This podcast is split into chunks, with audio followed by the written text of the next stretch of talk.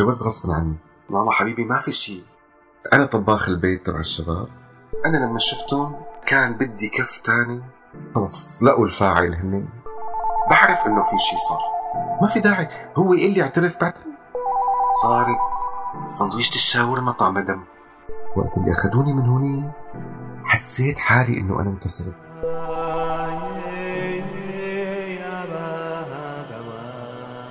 كثير استهوتني فكرة إنه أطبخ لناس ما بيحكوا عربي.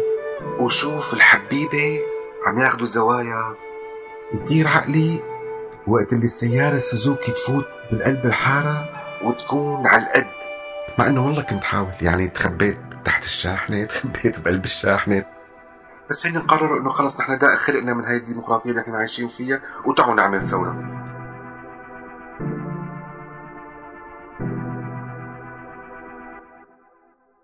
اللاجئ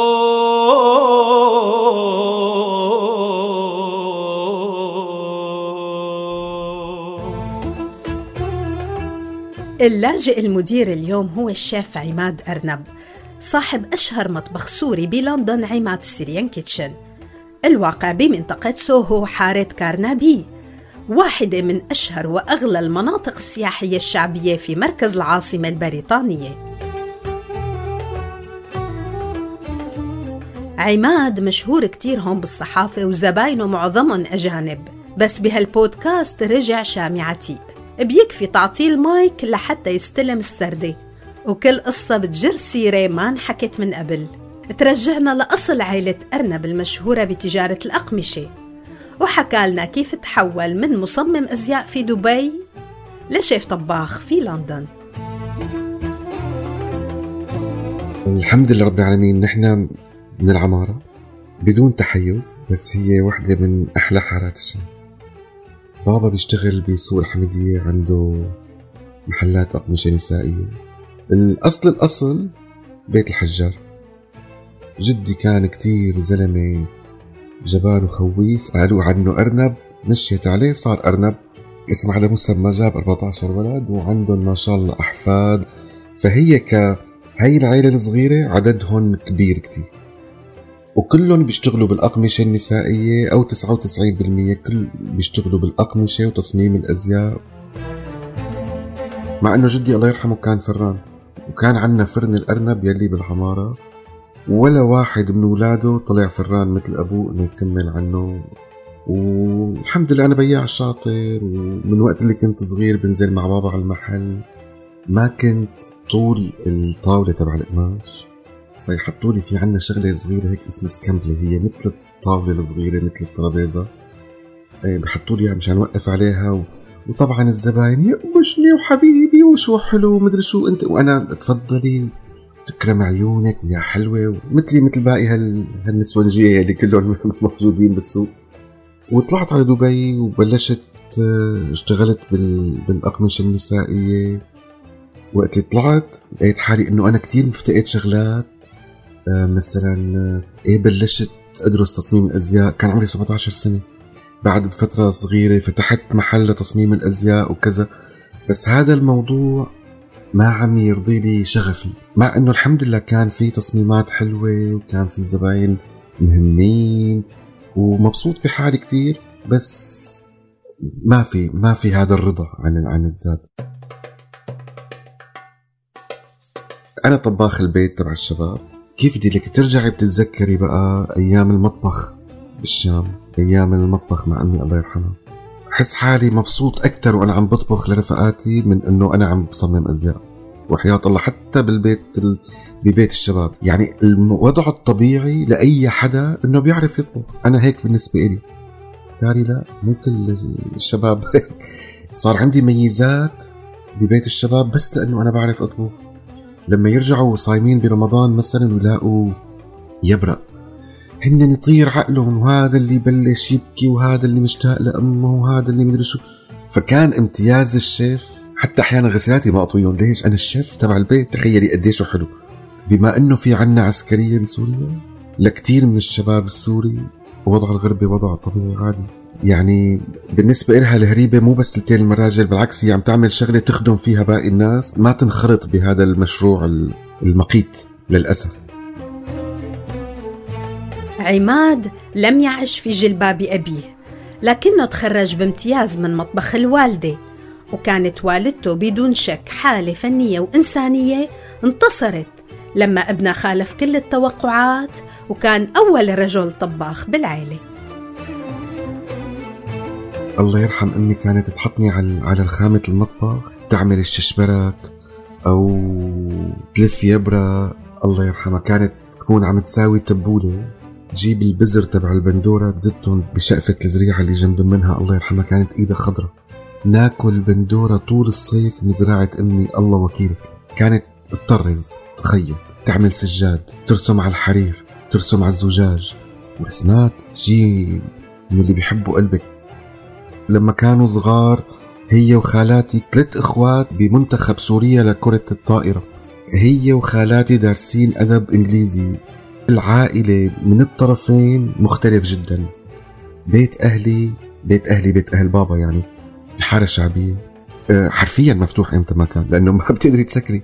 لما بيكون عندك 14 ولد و98 حفيد هذا الحكي بسنة 1991 لما توفى جدي الله يرحمه. منين بدنا نلحق نسكر بابنا كلياتنا أرانب وساكنين بهالحاله جنب بعضنا. واللي فايت فايت واللي طالع طالع هيك كانت حارتنا وهيك كانت الشام. لما كنت صغير ما كنت شايف هاي الحلاوة. لما سافرت على دبي صارت هذا المخزون الذاكرة صار يطلع. ويوم عن يوم اشتاق أكثر ويوم عن يوم بدي أرجع أكثر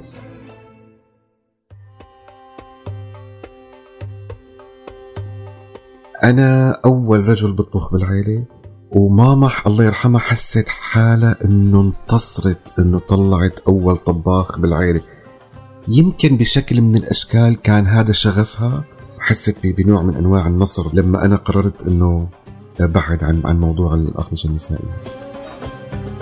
ماله دكتور مهندس هي الصورة النمطية إنه موضوع طباخ كان يمكن مهنة درجة ثالثه رابعة بس لما الحمد لله لما أنا بلشت ورجعت على سوريا وبدي أفتح مطعمي كان الموضوع واو صاحب مطعم. كانت العالم عم تبلش بقى تغير وتتجرأ وتفتح مطاعم ولقيت إنه القصة صارت مجزية وصارت شغلة حلوة. وهيك بدأ مشوار عماد في عالم المطاعم. بس الطباخ الشاطر أمه كانت أشطر منه. فيك تقولي تجوزت عن حب تجوزت غصبا عني. أنا كنت رافض فكرة الزواج للفكرة أساسا. يعني أنا ما بدي أتزوج. كان عمري 24 سنة. وأنا ما بدي. رافض الفكرة تماما. الله يرحمها ماما. لا لا ما في لا جواز ولا شيء بس أمشي رايحين مشوار. وأنا عرفان إنه هي آخذتني تدبسني. ماما حبيبي ما في شيء. بس رايحين مشوار. رحت فتحت لي الباب عرفت إنه خلص مش الحال تدبست. إيه، فحب إيه من أول نظرة. امانه إيه. وكمان أول ما تزوجنا قررنا إنه هيك إنه نحن بدنا قعدنا ثلاث سنين بدون أولاد. الحمد لله رب العالمين بعد تسعة أشهر إجتنا دانا. بعد ثلاث سنين إجتنا للنوسه وبال 2010 إجتنا مريم. الحمد لله. بناتي رفقاتي حبيباتي وهن أهم إنجازاتي. بالاستقرار العائلي والمهني ازدهر شغل عماد وصار بيمتلك بدمشق ثلاث مطاعم كاستيلو وحطين وبينينو بيقدم فيها كل شيء من سندويشات البطاطا لأكل العزايم والحفلات. هالمطاعم بمدينة دمشق ومحيطة سنحت لعماد يكون شاهد عيان على بدايات الثورة السورية.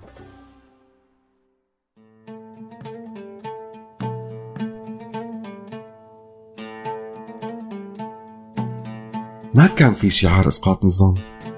كان في شعار إنه الشعب السوري ما بينزل. كنت حس موسيقى بإذني يا لطيف شو كنت فرحان فيها.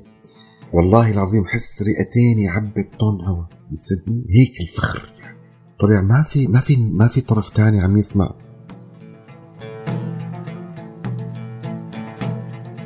أنا بتذكر كنت طالع من من صلاة الجمعة ب طبعا بحكم إنه يعني شغلي غالبا بمنطقة السيدة زينب فكنت ساكن ب أخذت طلعت من شارع بغداد وسكنت بمنطقة عقربة آه، منطقة آه، قريبة لمنطقة السيدة زينب.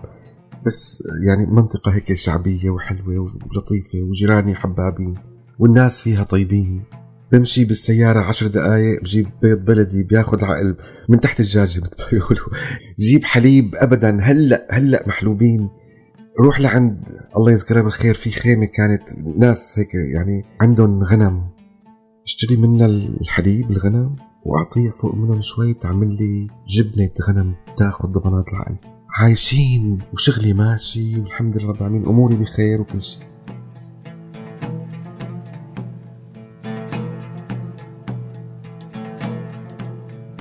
هلا مو معناتها أنا مرتاح معناها الباقيين يعانوا.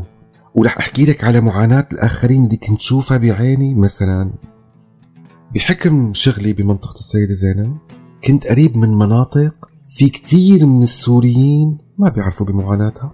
ما بيعرفوا معاناة البويضة أو يمكن مو سمعانين فيها. أو ما بيعرفوا إنه في ناس عايشة ببيوت من صفيح بمنطقة اسمها الباردة. تخيلي اسمها الباردة. لما أنا موظف بمطعمي مضطر يشتغل مع إنه هو شغفه يكون رسام. لما بيكون أنا في عندي بمطعم بالسيدة زينب شاب جاي يشتغل من أشطر الشباب اللي أنا شفتهم بحياتي. بلش معنا بمكان صار مدير بالمكان الثاني. يعني شخص موهوب بس ظروفه المادية ما بتسمح. بيقول لك التعليم ببلاش. أني ببلاش. طب والأكل الشرب هذا اللي يا ستي الشخص بياكل ب 50 دولار بالشهر. بس هي ال 50 دولار حلم بالنسبة له لحتى تقدر تتأمن.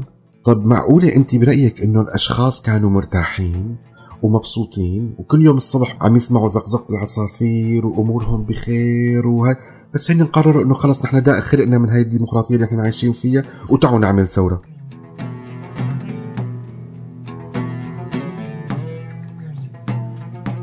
كنت عم بحكي لك قصة كنت طالع من الجامع بعقربة بعد صلاة الجمعة مثلي مثل باقي المصلين وللأمانة رايح متشجع زيادة لأنه عرفان إنه حيصير مظاهرة بعد صلاة الجمعة.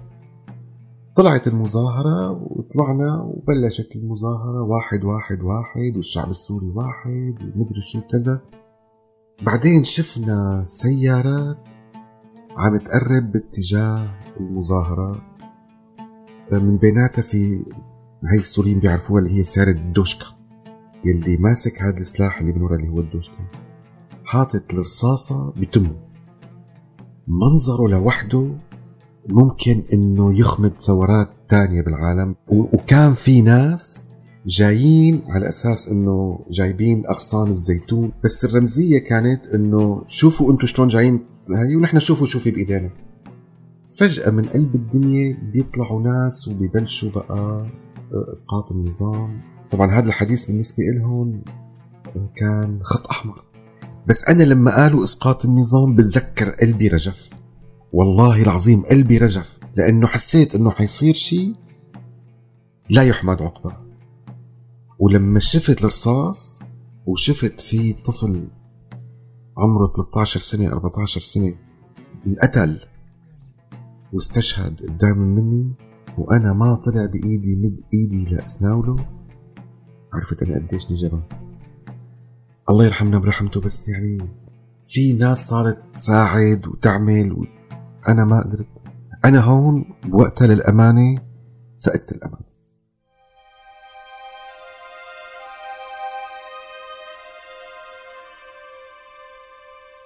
ثورة ضد الظل تحولت لكابوس. ومع هيك عماد ما كان مفكر يترك البلد. بس اللي صار يوم تفجير مستشفى الحياة بدمشق كان بيكسر الروح. وبهداك اليوم كان هو ومرته وبناته نازلين بسيارة إجرة على الشام. وصلنا لعند جسر الثورة. آه، نزلت أنا مشان نروح على الحمدية زوجتي والبنات رايحين بدهم يكملوا على ركن الدين. هون بصير الانفجار تبع مشفى الحياة. العالم صارت تركض أنا عم بركض باتجاه الانفجار لأنه مرتي وبناتي بالانفجار وأنا بعقلي إنه راحوا ما بعرف شو صار مع الشوفور بوقتها ما فاتوا بالنفق يعني هن بأول النفق عرفتي؟ فوقت اللي صاروا الانفجار هن بس البلور كان مكسور بس هن بخير. أنا لما شفتهم قعدت على ركبي على الأرض وصرت أبكي. المهم هون الشوفير بده يطلع قال خليكي حمل حاله وهرب فيهم. بعد ما استوعبت الموضوع كان في هنيك بوقتها حواجز إسمنتية مرسوم عليها العلم كانوا يحطوها وين ما كان. فصرنا ندفش هدلون الحواجز نتجمع كل أربعة خمسة ندفشهم مشان نمرق السيارات. انفجار الله مولاه راح ضحايا راح في ضحايا خير الله. بدنا نمرق سيارات الإسعاف بدنا نمرق السيارات اللي عم تطلع العالم اللي هنيك حملت حالي بس لحتى خلصنا ومدري شو كذا. وأنا راجع. والله العظيم لحد هلأ بتذكرها سمعت واحد عم يقول للثاني هذا هو سيدي. أكلت قتل. شي بتذكره وشي بنسى. مو أنا ركضت باتجاه الانفجار؟ أنا اللي عملت الانفجار. أنا كان بدي كف تاني وبعترف. هن ما في داعي يعذبوا حالهم. بس ليش هذا الإصرار على الضرب الضرب الضرب؟ الضرب ما في داعي. هو يقول لي اعترف بعترف. لقيت واحد عم يبعد العالم عني افتكرته إنه رح يقيمني. أكلت رفسة من من اسطاره العسكري على وشي. بعرف إنه في شي صار. حطوا لي هيدول البلاستيكات اللي على الإيد هيك لورا وطبوني وشي لتحت وخلص. لقوا الفاعل هن الله يعطيهم العافية. لقوا الفاعل واللي فجر عن البعد وبعدين راح يطمن على الضحايا. يعني ما بعرف ليش.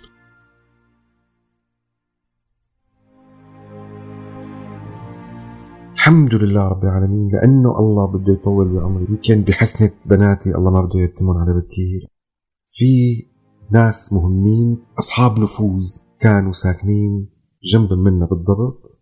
وأنا محلي مو كتير بعيد يعني كاستيلو مو كتير بعيد عن المنطقة.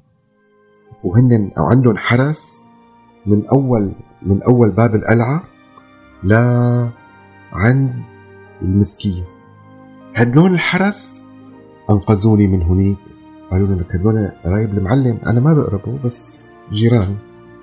بيشوفوني دائما معهم ومدري شو كذا. قالوا لي والله هدول إذا بيعرف المعلم بيخرب لكم بيتكم هذا قرايب ولا المعلم؟ مدري شو كذا. حملوني وأخذوني. الله يشهد قبل ما أطلع من هنيك ما نزلت الدمعة. بس وقت اللي أخذوني من هنيك حسيت حالي إنه أنا انكسرت. الشيف عماد بعده لليوم عم يتعالج من آثار الكسور بالفك والأضراس من الضرب الوحشي. ورغم إنه وهو عم يحكي الحكاية حاول يبلع دموعه لكن كلماته عن دمشق كانت نزيف حب ورثاء. أنا هون اتيتمت من دمشق ماتت دمشق بالنسبة لي أنا كنت أعتبر إنه دمشق هي إلي. كل شيء عم يصير حوالي مشان أنا أكون مبسوط. بيقولوا لك الحيطان مثلا إنه والله روح دمشق القديمة ومدري شو كذا. ما حدا بيشوف الشباك الخشب مثل ما أنا بشوفه. ما حدا بيشوف الياسمين اللي هارر على الأرض مثل ما أنا بشوفه. الكتابات اللي على الحيطان مع إنه أنا برأيي هي هي موضوع مو حضاري بس أنا كنت حبها كنت حب عشوائية وفوضوية دمشق. كنت حب وقت اللي السيارة سوزوكي تفوت بالقلب الحارة وتكون على القد. يطير عقلي بهالمنظر. حس إنه اللي عم يسوقها فنان. كنت حس باب الأموي هو باب الجنة. النومة نص ساعة بصحن جامع الأموي بتسوى الدنيا واللي فيها. حس إنه ساحة باب توما هي مدخل للعالم الحضاري. أنا كنت يطير عقلي بالنهر يلي بالشيخ الإسلام. حبه من قلبي حبه. حب لما امرق من من منطقة الشيخ رسلان وشوف الحبيبة عم ياخدوا زوايا يطير عقلي مش فرازي بباب توما يا الله شو حبها ساحة جورج خوري سندويشة السجق. التمرية وكعك. كعكة بالزعتر أنا بعشقها. بموت عليها. بكل تفاصيلها. ماتت. وبوقتها ماتت. صارت سندويشة الشاورما طعمها دم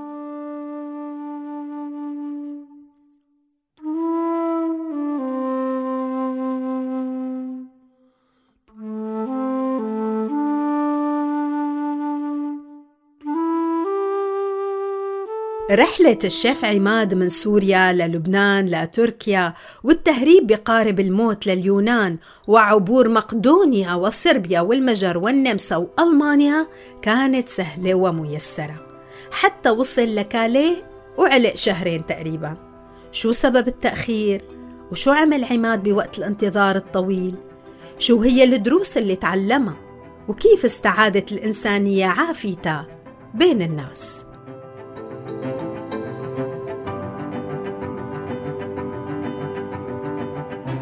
هلا هي نسبيا كانت الرحلة كتير سريعة من سوريا لفرنسا. خيالية.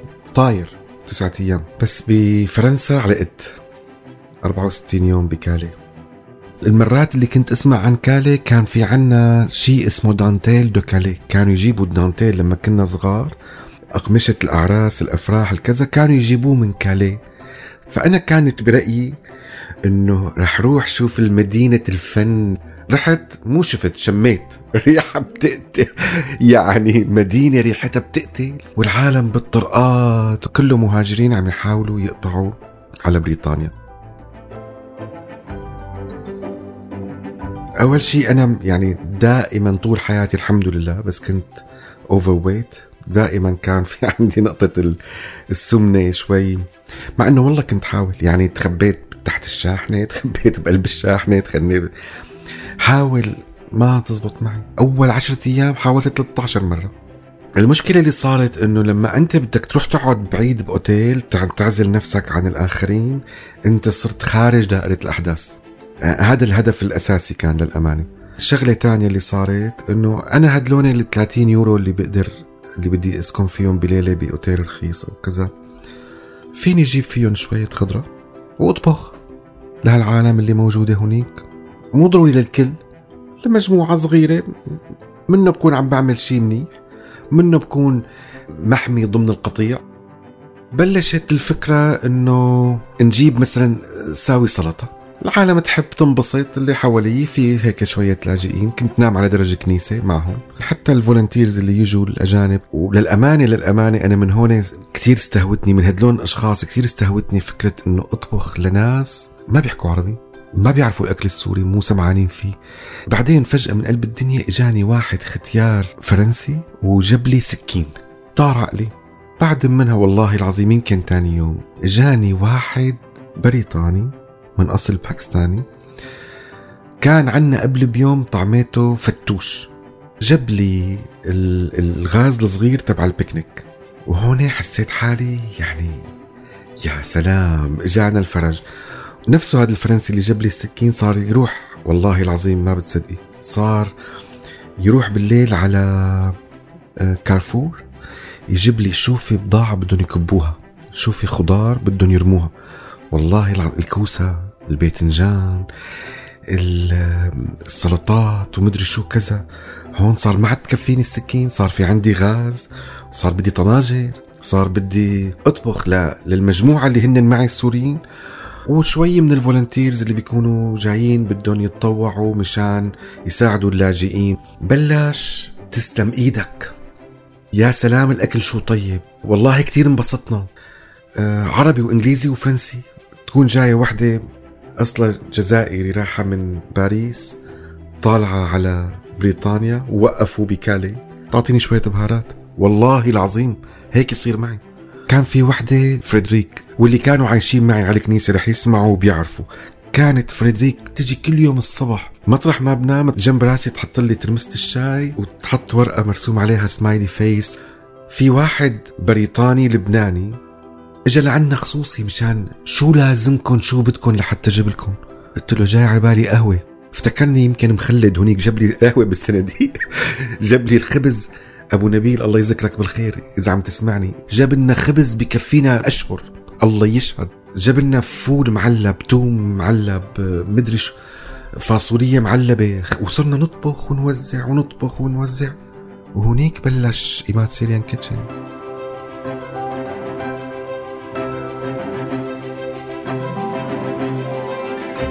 آه للأمانة فكرة التطوع بلشت باليونان.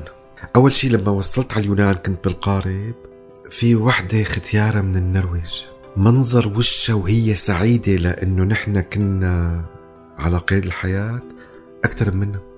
وبعدين وقت اللي سألت عنها إنه مين هي قال هي كانت رايحة على المطار كانت جاية عم عاملة تطوع مشان تساعد اللاجئين.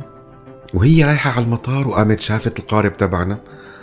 وقامت قالت هذا آخر قارب بدي ساعده قبل ما أطلع. بلحق ساعده فصارت تتصل إنه تعوا في قارب جاي على غير ارنن القوارب بيجوا عليها لأنه نحن ضاع القارب تبعنا بالبحر. فصارت تعمل اتصالات إنه تعالوا لهي المنطقة وصارت بعثت أحداثيات ومدري شو. أنا بتذكر منظر وشها كانت فرحانة والله تقولي عم تشوف أولادها اللي جايين. أنا هون مثل اللي راحت مثل ما بيقولوا راحت السكرة وإجت الفكرة إنه هي ليش كل هالقد؟ ليش؟ شو هالإنجاز اللي عاملته؟ شو بنعنيلها نحن؟ رجع إيماني بالإنسانية شوي وطول الطريق صار يتعزز هذا الموضوع.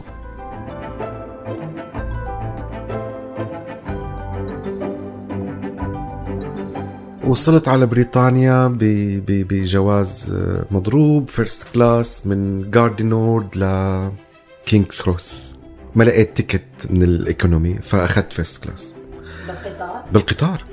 جواز مضروب؟ والله لو كان معي جواز قطة كنت نفدت الحمد لله الله عطاني بالحظ. بس بعد 64 يوم. بس أنا ما كنت متخيل إنه هدلون 64 يوم هنن البداية تبع Imad's Syrian Kitchen. يعني أنا كنت عم بتذمر بوقتها إنه يا ربي دخيلك كل العالم عم تجي وتفوت. وعم يفوتوا ببلاش. وعم يفوتوا عم عم يتعلقوا بال بال بالقطارات وعم عم بس أنا ما عم يطلع بإيدي. يعني ما عم يطلع بإيدي إنه أنا تزبط معي. حاولت بالمطار مسكت حاولت حاولت حاولت.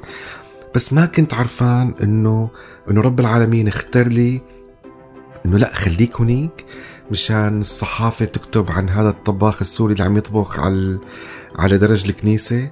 وبعدين آه تبلش تصير في معارف يصير في ناس الناس تحكي للناس وهيك بلشت القصة.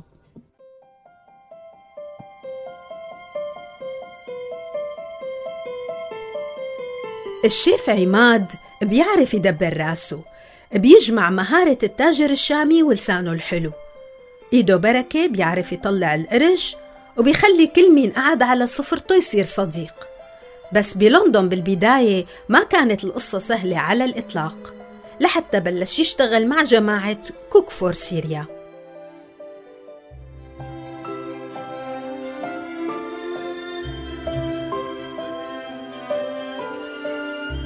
أنا حاولت أشتغل بالمطاعم بالبداية مثلا رحت على واحد من المطاعم وأكيد ما رح أذكر أسماء. أول ما فتت على أساس رايح trial shift وقالوا إنه 5 pounds per hour قلت إيه لأنه أنا لساتني ما عندي أوراق إنه أشتغل فبدي أي شيء. ما سألني شو بتعرف تشتغل قال لي نزل لي هذا الفان ونظفه. كانوا عاملين قبل منها حفلة أو كذا. نزلت كل شيء البضاعة اللي بقلب منه الأغراض نظفته جهزته على 24 قيراط اللي بتعرف شو والله أنت شكلك ما عندك خبرة الشيف. قلت له طب أنت ما جربتني؟ ما بتحب طعميك على حسابي ولا بتروح؟ قلت له لا بروح. اللي بدك طعميني فيهم على حسابك؟ ردهم على جوعتك. رحت حاولت بمطعم تاني. أنا فايت عم أشوف مو تخبيص قمة بالتخبيص. يعني لأول مرة بحياتي فوت على مطعم بشوف السيخ الشاورما جاي مجلد. ما له علاقة بالشاورما هو أي شيء تاني غير الشاورما وعم يسميها شاورما. لما بلشت بشغل السيارات بلشت بدي أعمل شيء آه، للأمانة cash in hand أحضر حالي مشان أنا أعمل شيء لإلي بالمطاعم بس شو هو هذا الشيء أنا ما بعرف. بلشت أعزم ناس مو عرب على بيتي. بدي أعرف شو رأيهم بالمطبخ السوري. لاقي في شغلات يحبوها شغلات ما يحبوها شغلات يتقبلوها شغلات ما كتير. موضوع الشاكرية. ما طاقوها. بوقتها رحت على أساس إنه عم بعمل شغلة هيك مزوزة أو مدري شو رحت عملت الموزات مثل ما هي بعظمها باللبن ومدري شو كذا. ابدا ما انطربوا عليها. الملوخية مثلا ما كتير لاقت الاستحسان اللي اللي أنا مثلا كنت متمنيه. مثلا من الكبة اللبنية. كبة لبنية لأربعين شخص والله القرص. هل قد قده؟ قد نص الأصبع. وبياخد العقل وتعبان فيهم. وكل حبة مثل أختها ومدري شو كذا. هي بأول بوب أب والله العظيم أنا سمعتها بإذني واحد عم يقول لرفيقه يك أنا سمعتها يك أنا عم تقول على الكبة اللبنية تبعك بتعرفين اللي أكل كف على وجه أنا تعبان فيهم إلي. عم كبكب فيهم وأشتغل فيهم. والله بينهدوا لملوك. فكرة اللبن هن ما حبوها اللبن المطبوخ ما حبوها حكوا لي قال في ناس عم عم تعمل مشروع اسمه Cook for Syria وطالبين متطوعين. إلك مصلحة؟ أوف أنا اللي إلي مصلحة. أنا روح قلبي قلبي العمل التطوعي. ورحت. وهون تعرفت على أشخاص وعلى ناس و... وصار في آه، وسائل إعلام آه، إن كان social media أو تلفزيونات أو كذا كانوا عم يواكبوا موضوع Cook for Syria يلي أنا كنت متطوع فيه. وهدلون الأشخاص صرنا أنا وياهم أصدقاء ومدري شو كذا وكنت عم بحكي لهم عن أحلامي وعن إنه شلون أنا بدي أرجع أطبخ. وعرضوا إنه يساعدوني والحمد لله رب العالمين. حلمي صار أسرع ما أنا تخيلت. هلأ ما بقول لك إنه أنا هيك كنت متخيله. لا هو أحلى بكثير من ما أنا كنت متخيله.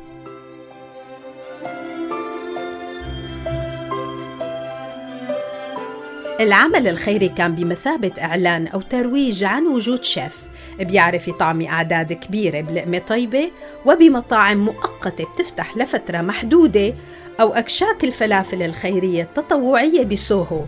مطرح ما صار الحلم كتير قريب. أول pop up لإلي ب Columbia Road اللي هو ال flower market هي صالة بس وسع فيها طاولتين وبالزور بالزور. 24 شخص بلشنا على أساس بدي أعمل pop up restaurant لمدة 14 يوم. كل يوم عشاء. بتذكر كنت عم بشتغل هونيك قبل بيوم لما إجت وحدة رفيقتي قالت لي من ورا ظهري همست قالت لي نحن we sold out قلت لها بعرف. أنا كنت مفكر إنه we sold out لأول عشاء يعني ال 24 مقعد اللي أول عشاء راحوا. قالت لي no no no you don't know you don't understand we sold out هون قلبي رجف من الخوف. بتصدقي؟ يعني مثل كأنه ما عدت أعرف اشتغل.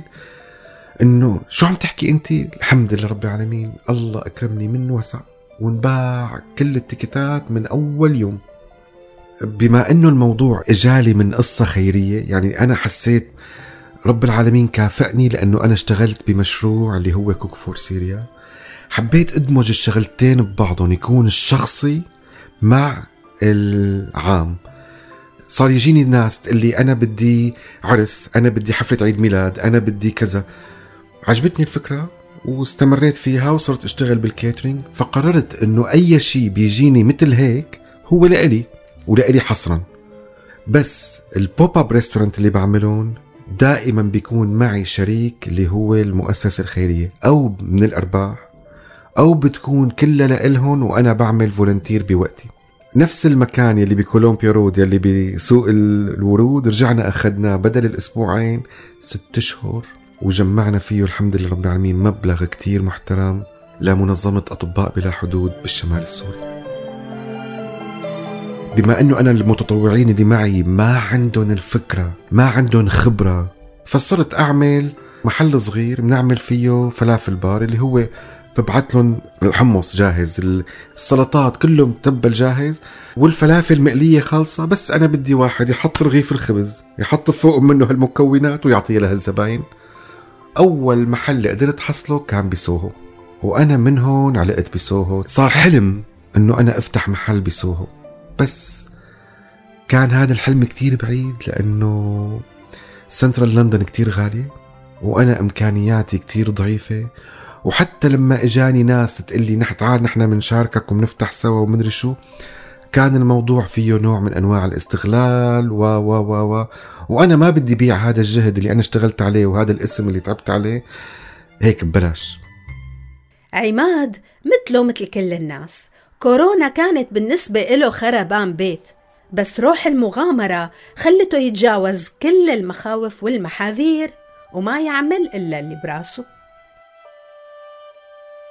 مع خربان البيت إجا ضوء إنه العالم صارت ما تصبر بدها تسلم مطاعمها ومدري شو كذا وأجتني فرصة المحل ب central London الحمد لله كانت مغامرة.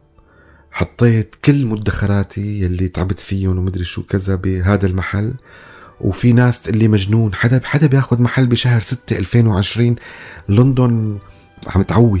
مدينة مهجوره بنتي بتقول لي بابا هلأ شوي تاني حيطلعوا لنا ال zombies. إنه يعني وين آخذنا؟ شو عم وطالع تاخذ محل بالطابق الثاني ومدري شو كذا. بس أنا حسيت إنه هي فرصة. يا هلأ يا أما ابدا ما حتصير. وضليت من شهر 6 2020 ل 17 5 2021 لحتى عملنا friends and family أول يومين تدربنا فيهم وطلعنا المنيو تبعنا ومدري شو بعدين لحد ما الله أكرمنا وفتحنا محلنا ب 19 5 ولليوم. الحمد لله رب العالمين إقبال حلو كتير والناس عم تشكر منه. الحمد لله رب العالمين طاير عقلي ومبسوط خير الله.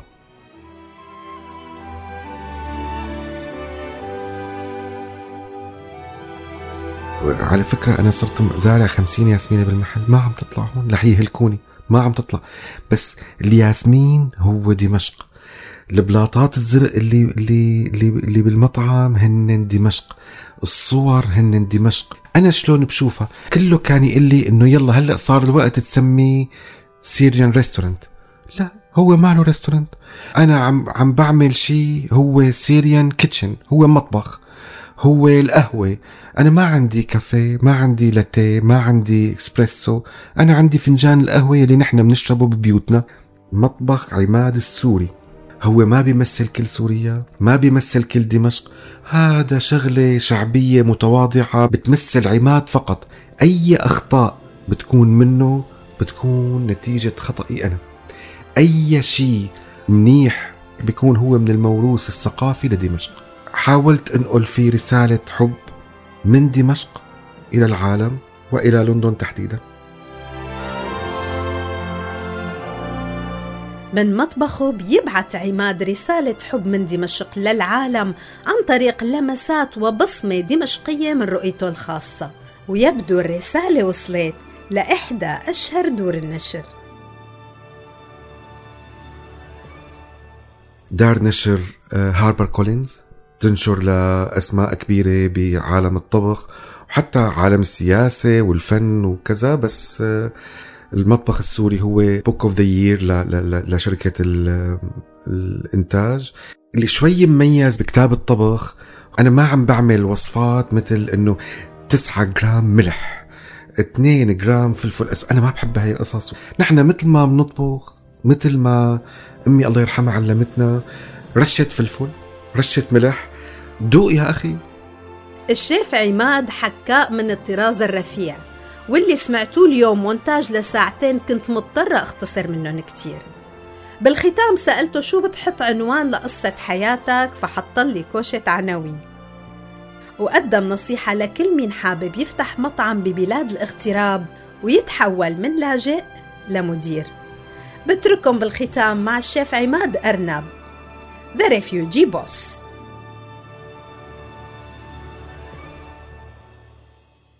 عنوان قصتي حب عنوان قصتي نجاح عنوان قصتي إيجابية عنوان قصتي توفيق من رب العالمين مرضي كلهم هدلون أنا عنوان قصتي.